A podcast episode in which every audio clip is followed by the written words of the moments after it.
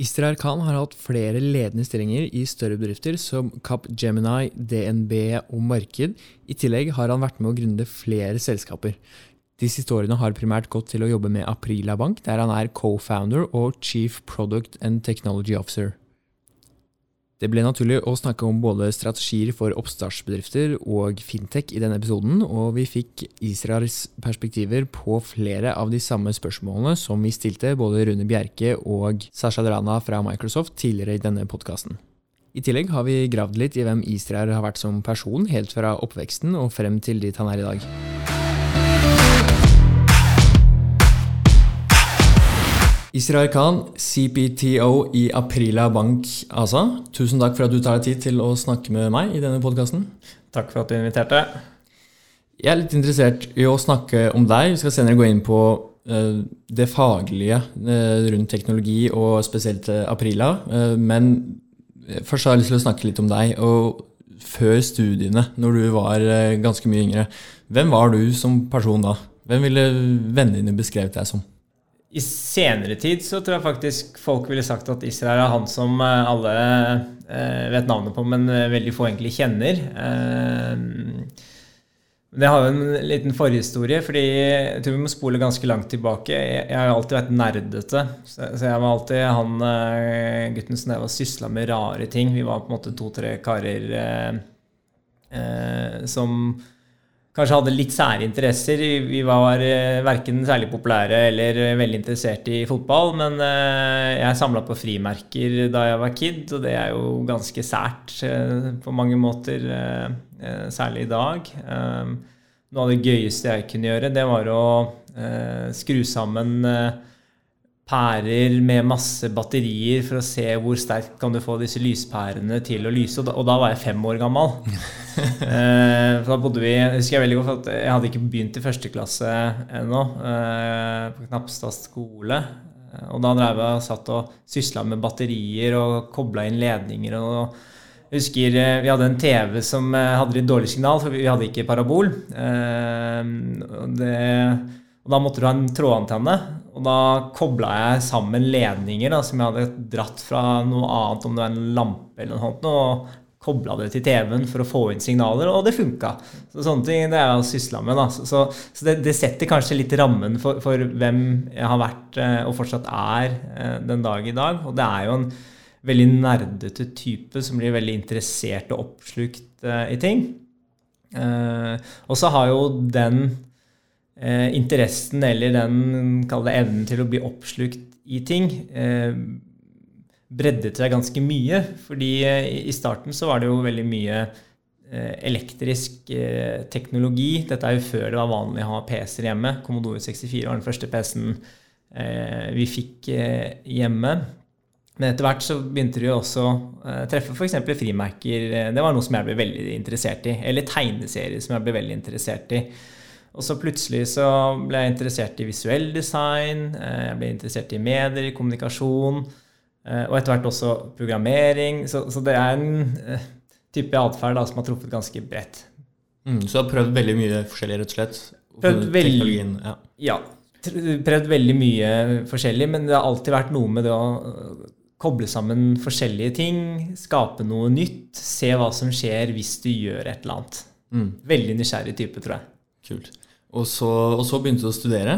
Ja. Dataingeniør og informatikk. På, det heter vel eh, Oslo OsloMet i dag? Ja, stemmer. Men uh, før det så gikk jeg jo uh, på, på, videregående så var vi første, uh, første kullet, eller andre kullet var vi faktisk som kunne gå mediekommunikasjon.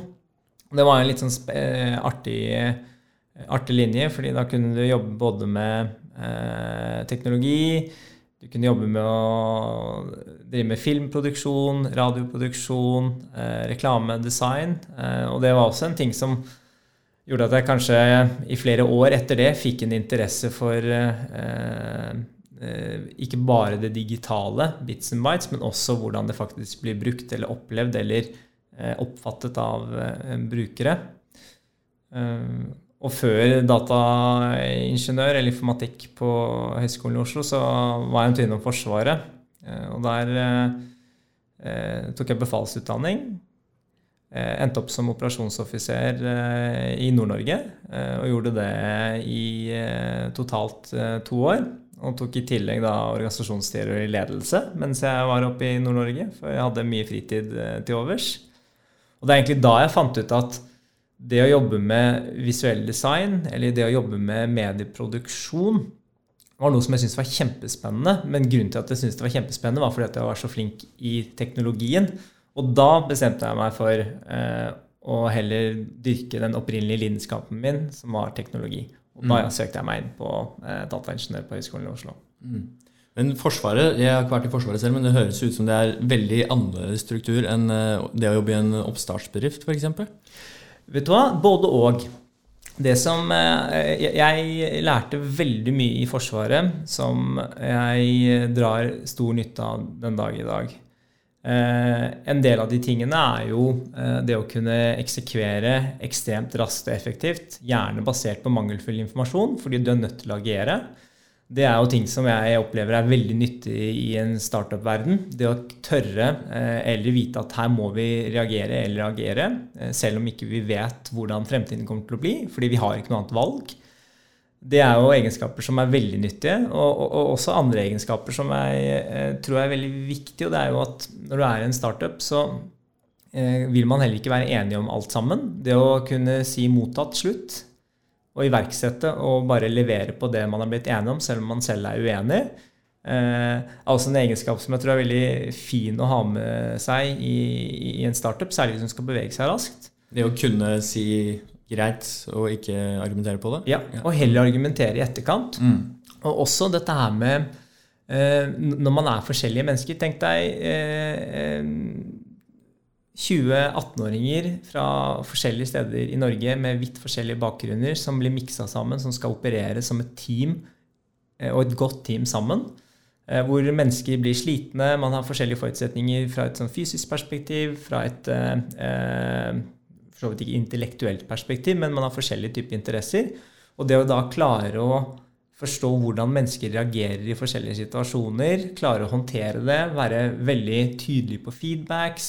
Eh, det har jo vært en ting som jeg kanskje har savna veldig mye i arbeidslivet. Og det er den tilbakemeldingskulturen vi hadde i Forsvaret. Når man har, en, eh, har et oppdrag, man er ferdig med oppdraget, det å kjøre en debrief, være veldig tydelig i hva som har gått bra, hva som har gått dårlig, og så tørre å, å ta direkte tilbakemeldinger til personer er jo en ting som uh, enhver, ethvert selskap, og ikke minst en startup, vil dra veldig stor nytte av. da. Mm. Så både òg. Men det, det, er nok ikke så veldig mye eh, uniform, og det er nok ikke så veldig mye løpe rundt med eh, AG3 som vi gjorde på den tiden. Eh, og ja, Så det er litt forskjellig. Det er det definitivt. Mm, ja, det er flere som snakker om det, også med tanke på idrett, og dere har sammenligninger, derf sammenligninger derfra. Med tanke på å da helt konkret gi tilbakemeldinger, kanskje filme, teste, prøve å få ærlige tilbakemeldinger. Mm. Eh, at uh, det er noe man definitivt kunne gjort mer av i næringslivet. Mm. Deler du den meningen? Jeg er veldig enig med deg Odin, på det. fordi den sammenligningen med, med idrett, toppidrett, eh, er nok ganske riktig. Fordi der må man terpe. Man må terpe, og man må etter hvert elske og hate i mm. mange tilfeller, fordi man vet det er da man blir bra. Mm, så nei, jeg er enig. Mm. Eh, men så tilbake til deg. Du, du, studerte videre på det vi kaller for Oslo OsloMet i dag. Ja. Eh, der var det dataingeniør informatikk? Ja, jeg, jeg, hadde en litt sånn artig, eh, artig runddans inn, i, inn på høyskolen eller Oslo OsloMet. Det kommer nok ta litt tid før jeg klarer å kalle det Oslo OsloMet, men jeg skal prøve. Og det er jo at jeg, I og med at jeg gikk mediekommunikasjon, så, så hadde jeg ikke alle fysikk og eh, kjemifagene jeg måtte ha eh, for å kunne komme inn på ingeniør. Så da tok jeg noe som het tretermin. Alternativet var at man kunne ta forkurs, eller så kunne man gå treterminsordningen. Og tok du treterminsordningen, så ofret du sommerferiene dine i to år, tror jeg. Mot at du slapp å gå ett år i forkant. Så jeg brukte jo da hele sommerferien min på eh, å få de siste matte- og fysikkfagene eh, på plass. Og det var da godkjent for å kunne starte på ingeniør. Eh, og ingeniør hadde i utgangspunktet høyere opptakskrav enn informatikk. Men eh, du kunne ikke gå tretermin for å komme inn på informatikk. Og det var for at På den tiden så hadde Norge et eh, stort og det har de for så vidt fortsatt i dag, stor mangel på ingeniører. Så da starta jeg på ingeniør, men underveis så bytta jeg til informatikk. Så jeg tok som han Ulf Uttersrud, en fantastisk eh, foreleser som vi hadde, sa at nå Isra, har du tatt kjøkkenveien inn eh, i utdannelsen. fordi i utgangspunktet så, så, kunne du ikke søkt informatikk, men du eh, kom deg inn på ingeniør, og så bytta du til informatikk, noe som er helt lov. Uh, ja, og så Du studerte der, og så var du innom hadde noen ærender i Microsoft uh, også? Ja, det stemmer. Uh, det var er egentlig to, to forskjellige typer ærender. For det, det, jeg merka, det var jo at uh, jeg, har vært veldig heldig både eh, på videregående og også på ingeniør- eller informatikkfaget. Og det er at jeg har vært såpass interessert i, i de tingene vi har enten lært eller, eller, drevet med, at jeg har alltid hatt overskuddskapasitet rent mentalt da, til å kunne også drive med mange andre ting. Og mens jeg da var eh, i informatikkfaget, så fant jeg at jeg like gjerne kunne prøve å jobbe fulltid da, eh, mens jeg studerte. Og da eh, fikk jeg meg jobb eh, som vendor eh, i Microsoft. Eh, og da jobbet jeg med salg og markedsføring, faktisk, av et operativsystem som heldigvis ikke finnes i Norge lenger, og det er Windows Mobile. Det kommer jo tilbake, men da som en helt ny eh, helt ny, eh, nytt system som heter Windows Phone, men det er totalt annerledes. da. Og I tillegg så eh, har jeg jo alltid drømt Dette er igjen, da, dette er hvor nerdete jeg er. Men jeg husker eh, i eh, Hva var det dette her, da? Det var 92-93, kanskje? 93. Så hadde jeg klart å lære meg å bruke e-post. Uh, og så hadde jeg funnet ut hva e-post hadde sendt til Bill Gates var. da, Og så hadde jeg sendt ham en e-post. Jeg, ja, jeg husker godt hva jeg skrev, men jeg skal ikke si det, for det er bare utrolig flaut. Da. Men, men vi skrev også et brev, brev til oss selv da, da vi gikk ut av barneskolen, om hvor tror du at du er om ti år? Mm. Og i det brevet så hadde jeg skrevet at eh, da jobber jeg sikkert med data og jobber i Microsoft. Oh ja, så det stemte ganske bra. Så jeg, jeg, tenkte at ok, nå har jeg muligheten til å prøve å jobbe litt eh, med Microsoft, så jeg måtte, måtte ta den, da. Mm. Eh, så nei, jeg fikk jobba litt med Microsoft, men det ble en kort periode. fordi det jeg veldig fort fant ut av, da, det var jo at eh, det å ha en heltidsjobb ved siden av heltidsstudier, det, det ble litt mye greier greier. Eh, og så var det en periode jeg vurderte og kanskje Ja, men nå har jeg jo fått til det jeg egentlig hadde lyst til. Jeg kan jo fortsette å bare jobbe i Microsoft. Men eh, jeg følte vel inni meg at den dagen mine klassekolleger står der med vitnemålet sitt, eh, ferdig med de tre årene sine, da kommer jeg til å angre på at ikke jeg fullførte. Så du er glad du fullførte studiene? Definitivt. Mm. Eh, jeg er veldig glad for det. Mm. Videre derfra så har du jobba mange ulike steder, eh, bl.a. i marked.no. Eh, det syns jeg er litt interessant. Man har jo marked.no med en ganske Eller altså, vi hadde eh, med en ganske stor rigg med komplett, og som har veldig mye teknologi og mye infrastruktur på plass allerede. Mm. Og så har du vel den største konkurrenten, som alle kjenner til, kolonial.no. Mm. Eh, ja, altså først hva var din rolle i marked.no? Ja, bare sånn en liten kommentar på, på, det du nevnte. Da. Det er jo, jeg må jo også si at Den største konkurrenten var nok mer de fysiske eh, dagligvarebutikkene. Da. Fordi et av de tingene som, eller et av de poengene som eh, vi hadde, det var jo at det er jo ikke noe poeng i å konkurrere med hverandre når eh, markedet er uansett så lite på det tidspunktet det, det, var. da. Det store markedet ligger jo blant alle de som ikke handlet eh, på nett. Men selvfølgelig, for å være litt mer realistisk, så var nok de definitivt en konkurrent. Eh, fordi du kunne da velge enten marked eller kolonial, eventuelt matkastene. da. Mm. Så, eh, men noe, hadde dere noe estimat på hvor mange som ville Eller altså, man vil jo aldri vite helt sikkert, men hvor stor del av befolkningen som vil handle på nett? Ja, man hadde gjort en del, eh, en del undersøkelser rundt det, og så er det alltid stor forskjell på hva folk sier versus hva folk faktisk eh, velger å gjøre. Nå er det jo såpass lenge siden at jeg husker jo ikke de eh, tallene. Men det man kanskje kan være enige om eh, i etterkant, er at Uh, ting tar alltid mye lengre tid enn det man tror. Mm. Uh, og det er alltid uh, mye vanskeligere å endre atferden til mennesker, og særlig over en lengre periode, enn det man antar da. Så Gang alt med pi, har jeg hørt. ja, det er definitivt et godt poeng. Ellers, jeg, jeg hadde rolle som digital direktør i marked, eh, og i praksis så hadde jeg da eh, ansvaret for eh, de digitale tjenestene til marked, som på mange måter egentlig var eh, nettbutikken. Og hadde da også en som var ansvarlig for e-commerce, som var ansvarlig for butikken og salg og merchandising av butikken, pluss også markedsføringen og distribusjonen ute i forskjellige kanalene. Og jobba egentlig tett sammen med en som var ansvarlig for salg og markedsføring. eh, Type, hvilke type kampanjer vi bør kjøre. Eh, Men vi var jo også da, selv om vi var et velfunda eh, oppstartsselskap, så var vi likevel et reelt oppstartsselskap hvor alle jobbet veldig tett med hverandre, og alle gjorde litt av, litt av hvert. Så det var en veldig flytende rolle. da. Og det er kanskje det, den type rolle jeg også trives best i. da. Mm. Men dere kommer kanskje litt seinere inn på markedet enn kolonial? Eller? Eh, ja, eh, marked eh, kom en del år senere enn Koloniala. Så Kolonial hadde holdt på et par år før marked prøvde seg. Tror du det er den største grunnen til at kolonial fortsatte? Du, vet du jeg er veldig usikker. Jeg tror det er mange årsaker til hvorfor man avviklet marked. Og så er det jo ikke til å legge skjul på at leverandørbetingelser er, veldig, er nok en av de større årsakene. At hvis man skal få god butikk i det med å drive med dagligvarer, så må du ha veldig gode betingelser. Og det påvirket nok også eh, markedets evne til å kunne fortsette. Eller man så også hvor mye man måtte investere i for å få dette her til å bli lønnsomt. Mm. Eh, så det er nok mange årsaker. Mm.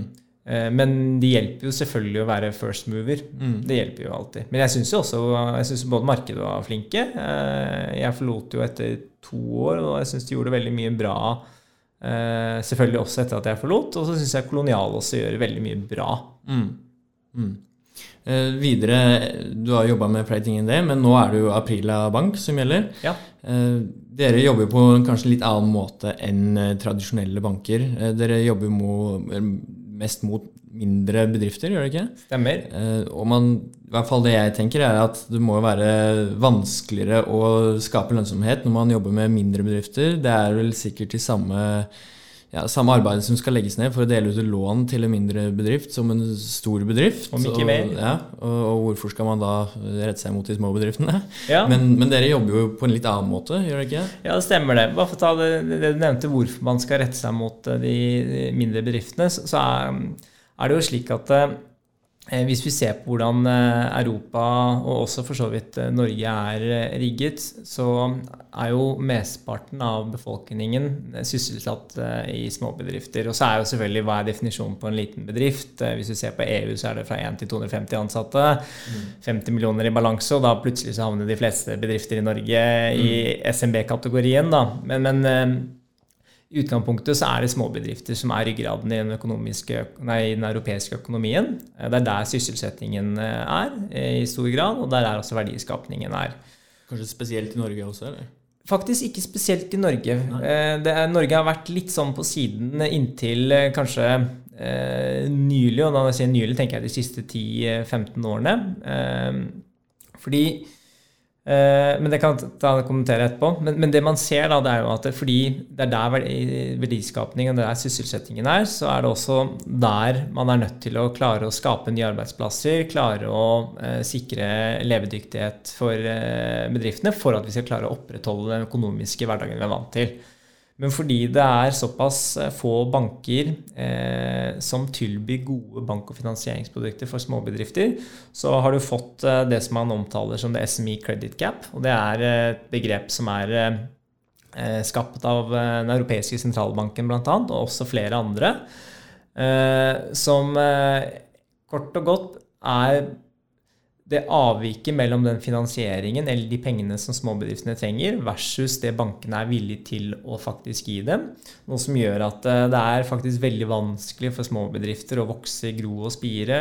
Vanskelig for dem å ansette eh, nye mennesker. Det er vanskelig for dem å ta på seg nye prosjekter. Noe som igjen gjør at eh, veksten stagnerer, og som igjen gjør at du får en del odde-effekter i samfunnet. Og En av de mer ekstreme effektene det er det man ser litt lenger sørover i Europa. og det er jo at eh, Du har jo land slik som Spania, Italia, delvis Tyskland. Tyskland har jo tatt seg opp ganske mye en periode. Eh, men, eh, og Frankrike som eksempel, hvor det er veldig mange unge og eldre mennesker som gjerne har utdannelse, som er smarte, oppegående, kan bidra veldig effektivt i samfunnet og i, i en arbeidsplass, men det finnes ikke arbeidstakere eller arbeidsgivere som kan gi dem, eh, gi dem, jobb. Og det medfører igjen at du får en del sånne samfunnsproblemer med at det er mennesker som da er, blir sinte, som blir eh, eh, forsømte, og som igjen skaper grobunn for en del historiske eh, trender som vi helst ønsker å unngå. Og det er jo å ha veldig mange mennesker som ikke har en fornuftig arbeidshverdag, eller som har en fornuftig hverdag, fordi det medfører at du får en del problemer. Eh, så Det er derfor det er utrolig viktig, da, både fra et økonomisk perspektiv, eh, for å ivareta velferdssamfunnet, så vel som å, unngå, som å unngå at historien ikke gjentar seg med en del sånne sosiale problemstillinger som oppstår, og hjelpe disse småbedriftene. Og Det er derfor vi i Aprila da syns det er veldig viktig eh, å hjelpe disse bedriftene, og bl.a. være en av de bankene som klarer å håndtere småbedrifter på en effektiv måte. Mm. Og så til det du sa da om ja, det krever faktisk ganske mye eh, innsats å klare å gi en liten bedrift eh, finansiering. Og det er faktisk ofte vanskeligere enn å gi en stor bedrift finansiering. Og Grunnen til det er for at hvis du er en større bedrift, eller hvis du er en etablert bedrift som har holdt på i flere år, så har du nok historikk til at du kan benytte det man tradisjonelt sett benytter i bank bankverden for å forstå kredittrisikoen. Og det er å se på avlagte årsregnskap, det er å se på den finansielle trenden din, det er å se på soliditeten din sett over en lengre periode, se hvilken sektor du opererer i. Man kan også faktisk automatisere en del av de. Eh, og i tilfeller man ikke kan automatisere, så er jo veldig ofte lånebehovet ganske stort. Du trenger eh, titalls med millioner i finansiering, eh, om ikke enda mer.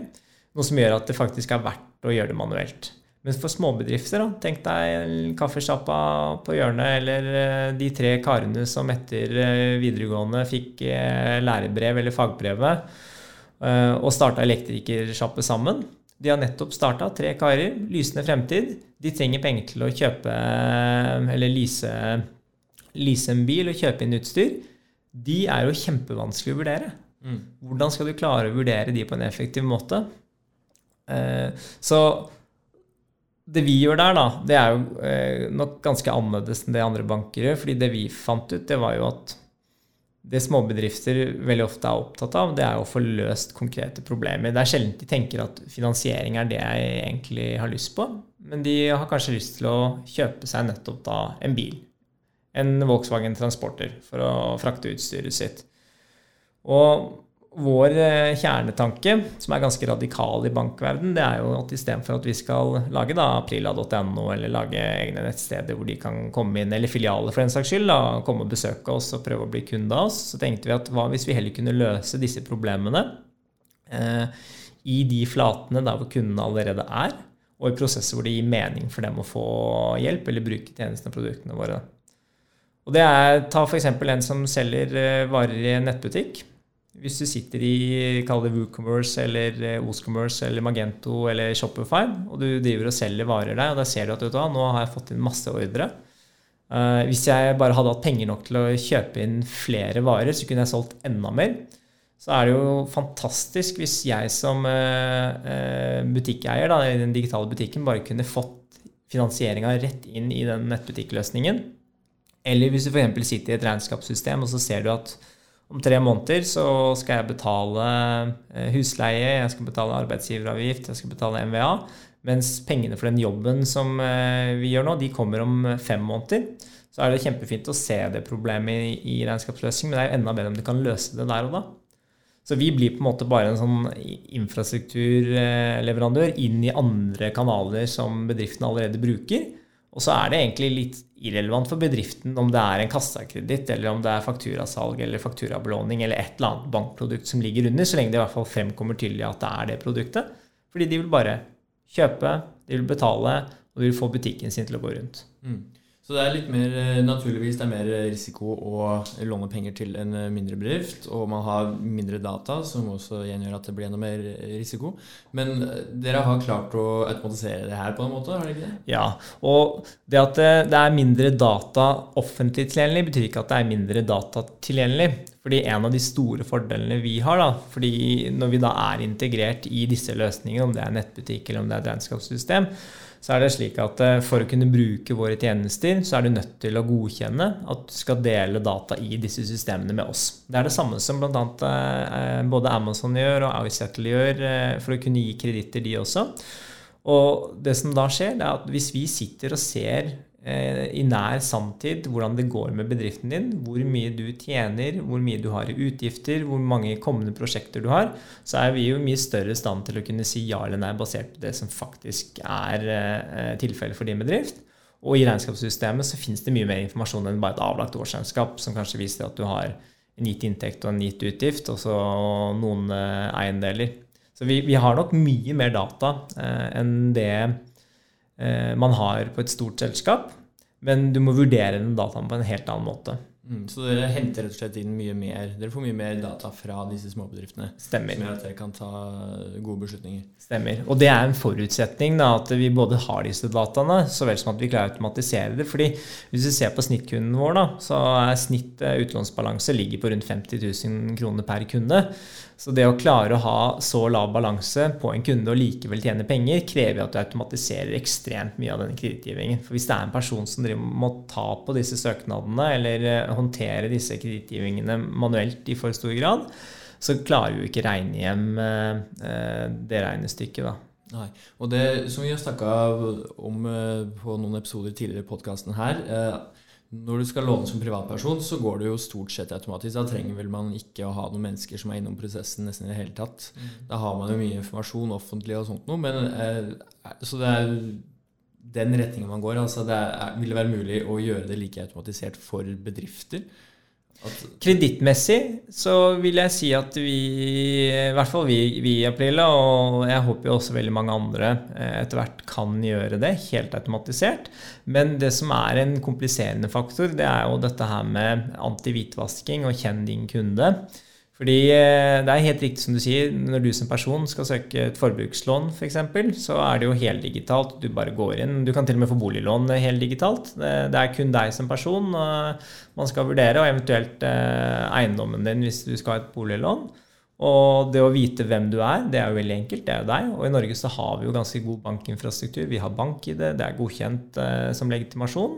Alt går fint. Men på bedrifter så er den prosessen med å kunne risikoklassifisere deg fra et antihvitvaskingsperspektiv og være sikker på at vi vet identiteten til foretaket, det er litt mer eh, jobb.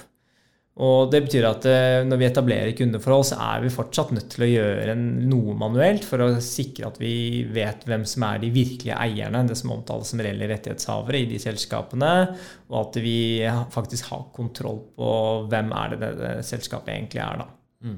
Men etter hvert eh, så håper vi at den prosessen kan automatiseres i enda større grad.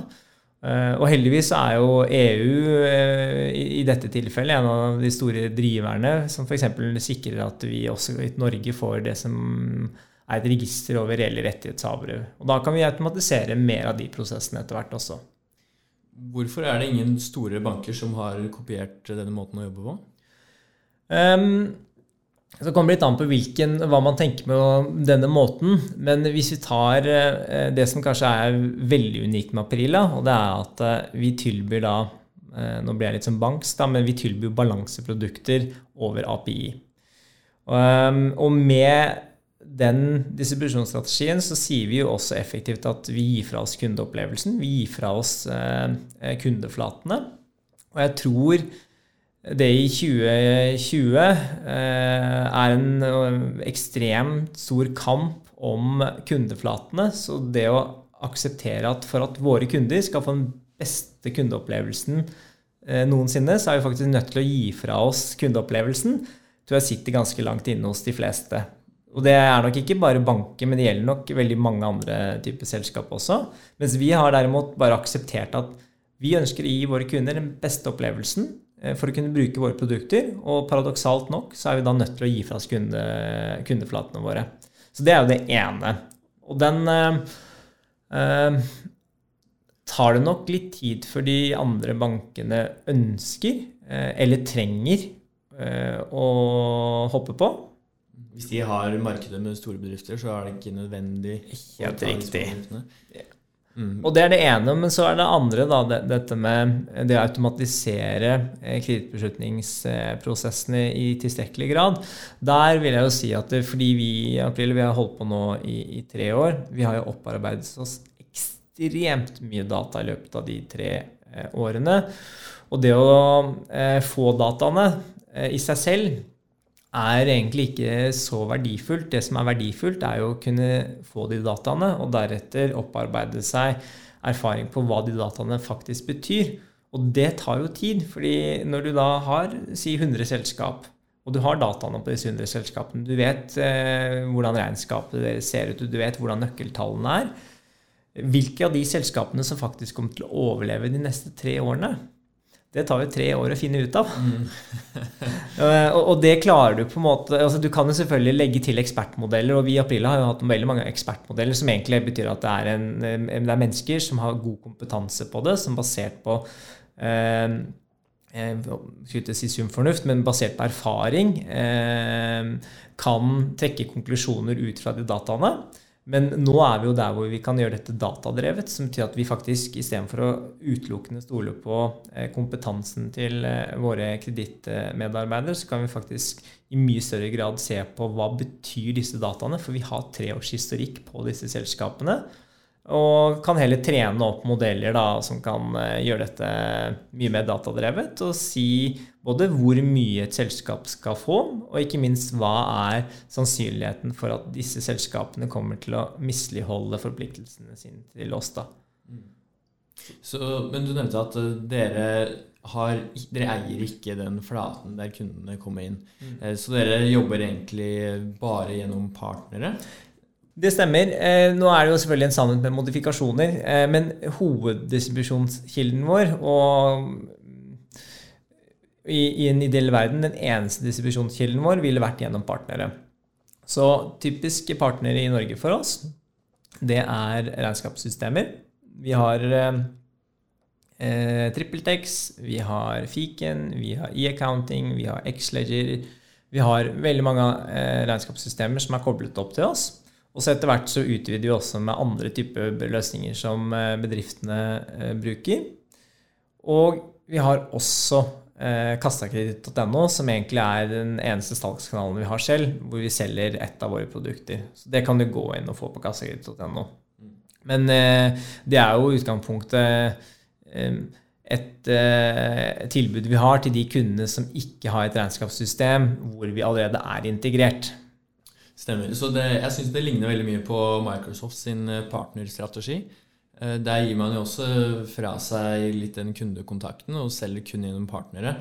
Eh, og det er også litt interessant, spesielt med oppstartsbedrifter, hvordan man jobber med større bedrifter mm. for å klare å skalere det her. Da. Mange er kanskje redd for at om man jobber med større bedrifter, så så stjeler de ideen, eller de tar det videre selv, og kanskje lurer disse gründerne. Mm.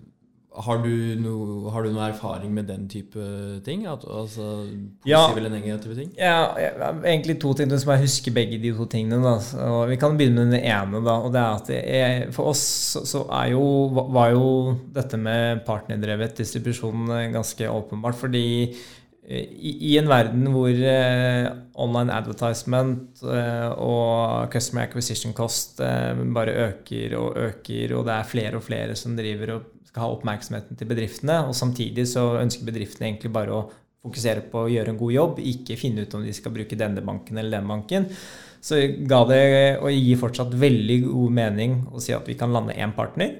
Og når vi lander den ene partneren, så har den partneren 30 000 kunder. Og så får vi tilgang, eller de 30 000 kundene får tilgang til å bruke våre produkter. Det er ekstremt skalerbart, veldig effektivt. Um, Så eh, det å tenke partner, det å tenke plattform, det å tenke nettverk eh, i bytte mot at du faktisk gir fra deg deler av din eh, egen inntekt, er nok noe som eh, eh, mange kanskje bør tenke på. Og så kommer man til det andre spørsmålet som du hadde, eller kommentaren om ja, men tenk om de kopierer eh, det La oss si en ny startup eller Aprila ønsker å gjøre. Der er jo kanskje en av fordelene eh, for Aprila det er jo at det vi driver med, er jo bankvirksomhet. Og det er veldig vanskelig, eh, og for veldig mange store selskap, eh, helt uønskelig å bli en bank. Så vi har nok ikke hatt den samme utfordringen eh, hva gjelder kopiering, som en del andre kanskje kan få da, hvis du går til et stort selskap og så forteller du at dette her har vi tenkt å tilby. Men eh, flere av de partnerne som, er, eller som er integrert med oss, kunne i teorien blitt en bank selv, men det ville krevd ekstremt mye. Mm, for det er veldig mye regulatorisk det å drive en bank? Veldig mye regulatorisk, og så er det også begrensninger eller virksomhetsbegrensninger i hva du da kan gjøre. og og i tillegg, hvis du har datterselskap, så blir eh, datterselskapene også uh, ansett som å være et finanskonsern, så du får veldig mange sånne rippeleffekter. Men jeg deler definitivt den bekymringen med La oss si du er tre karer da, som har en fantastisk idé, og så er spørsmålet skal man lansere dette selv og prøve å ta markedet uten et partnerapparat, eller skal man uh, et, uh, etablere et partnerapparat og få til en partnerstrategi? Jeg vil jo tro at Um, I veldig mange tilfeller så, så, bør man vurdere partner- og plattformtankegang. Litt avhengig av hvordan situasjonen man er i, sånn som dere som har bankkonsesjon. Ja. gjør det litt vanskeligere å kopiere dere, f.eks. Ja, men, men, samtidig, jeg, jeg, sitter jo jeg sitter i styret til et annet selskap eh, som driver med eh, cybersecurity. Eh, og der hadde man eh, igjen samme eh, samme spørsmål. Skal vi selge dette produktet eller denne tjenesten direkte til eh, kunder, eller skal vi partnere opp med andre som har dialog eller kontakt med kundene? Og Der også så har man funnet ut at det er utrolig mer skalerbart å inngå partnerskap med andre selskap, som igjen eh, håndterer kundene. Og så kan man eh, kanskje ha en hybrid da, hvor man også ser om det går an å selge produktet direkte. Mm. Så jeg tror ikke det er enten-eller. Nei. Det, er, det, må da være veldig vanskelig også, for ja, det blir litt som å få et produkt inn på butikkhylla på Rema eller Meny. Da må du ha noe å vise til, kanskje, før du, før du får til det partnerskapet. Ja, du får litt sånn høna og egget-problematikk. Det gjør du. Mm. Eh, og samtidig så vil jeg jo tørre å påstå fra begge de to erfaringene jeg har nå med denne typen partnermodeller, at har du et godt produkt, har du et konsept som er eh, Eh, intuitivt, og man kan eh, komme med noe som kan støtte opp under hvorfor dette er et godt produkt, og hvorfor kundene ønsker å ta dette i bruk, så tror jeg veldig mange vil ønske å inngå et partnerskap med deg som selskap. Det som veldig ofte kan bli en utfordring, det er jo hvis det er et stort selskap som Uh, har bekymringer rundt uh, dette lille selskapet med tre karer eller tre kvinner som skal lansere noe. Hvor økonomisk solide er de? Hvor godt kommer de til å levere tjenesten? Det er en problemstilling som man vil bli møtt med. da. Mm, og at disse store selskapene kanskje har mye lengre uh, Ledetid. Ja, ja. Og at ja, et lite selskap Man må kanskje prøve å fremstå mer solid og altså, økonomisk enn det man kanskje er. Det er vel, altså Store selskaper har vel ikke så veldig lyst til å altså risikere å jobbe med en, en, startup som går dunken om et halvt år? Ja, men vet du det er, to, to, to, ting. Det ene er Jeg, jeg tror eh, både forståelsen for den verdien eh, små oppstartsselskap gir, og også aksepten for å samarbeide med oppstartsselskap, har jo endra seg betraktelig de siste årene. Og med de siste årene så tenker jeg de siste åtte-ti årene. Så jeg, jeg, tror nok det er mye lettere for et lite selskap eh, å komme inn og snakke med BDO eller snakke med Microsoft eller snakke med et Orkla for den saks skyld, og faktisk eh, få gehør.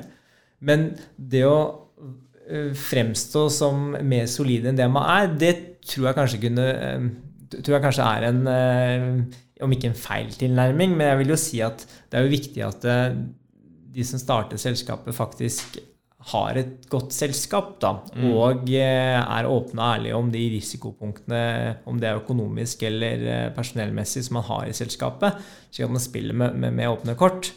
Men ja. Mm ikke behøver å være i en situasjon hvor du må fremstå sterkere enn du er. Ja. Men det er jo ikke til å legge skyld på at eh, ethvert oppstartsselskap selger jo veldig ofte bæra, de bæra man har, og gjerne mm. før, bæra har, eh, eh, før bæra kan høstes. Så, så, jeg tror jo man, man må jo man må jo ofte selge noe som er konseptuelt. Um, og så tror jeg det er en viktig å skape en forståelse for at det er, dette er konseptuelt. Det er ikke helt ferdig ennå. Det kommer. Eh, det tror jeg vil funke bedre enn å eh, prøve å skjule det, da. Mm. Det er jo interessant denne krysningen mellom teknologi, finans og så mennesker. Eh, hvordan tror du den utvikler seg, denne bransjen, fremover? Nei, Hadde jeg visst det, så hadde jeg kanskje investert i noen aksjer i et eller annet selskap. Du, vet, jeg, jeg, jeg, vet, jeg, vet ikke. Men jeg har noen refleksjoner rundt det, og jeg tenker jo at eh, dette kommer til å være både godt og vondt. Jeg tror dessverre klasseskillet mellom de som kan og de som ikke kan, kommer til å bli mye større i samfunnet. Eh, det kommer til å skje en del ting, og konsekvensen av det er jeg veldig usikker på. Jeg tror vi mennesker kommer til å abstrahere oss mer og mer oppover i verdikjeden og jobbe med arbeidsoppgaver som er enda mer krevende, eller andre typer arbeidsoppgaver enn det vi gjør i dag. Um, med tanke på teknologi og kompleksitet og den type ting? Ja, teknologi og kompleksitet. Og du kan jo trekke analogien til dette med bil. Um, hvis du kjøpte en bil på 70-tallet Jeg husker jo Jeg er jo født i 86, da. Så fattern hadde en eh, Masta, og med Mastaen så hadde han en svær bok. Eh, hvor han da kunne lese akkurat om hvordan han kunne bytte ut enhver del. Og han kunne bytte ut, om ikke enhver del, men han kunne bytte ut veldig mye av de delene selv. Eh, nå har vi jo abstrahert oss ganske langt bort fra den eh, realiteten. Hvis du kjøper en bil i dag, så bruker du den for å kjøre. Mm. Du trenger ikke tenke på alt det andre. Og samme ser du jo også på IT-siden generelt sett. Da jeg, jeg, er jo fortsatt ung, da, men da, da, jeg eh, vokste opp med mine første PC-er, det å kjenne til DOS og alt det rundt, og kunne koble til ting og få ting til å spille, sette opp IP-adresser og alt dette her måtte du kunne. Det trenger du ikke nå. Nå bare har du mobiltelefonen, og så åpner du en app, og så funker det. Mm. Og da kan du heller abstrahere deg oppover til å gjøre ting som kanskje er enda viktigere. da. Ehm, så det tror jeg kommer til å skje. Og nå tror jeg vi er f.eks. på AI.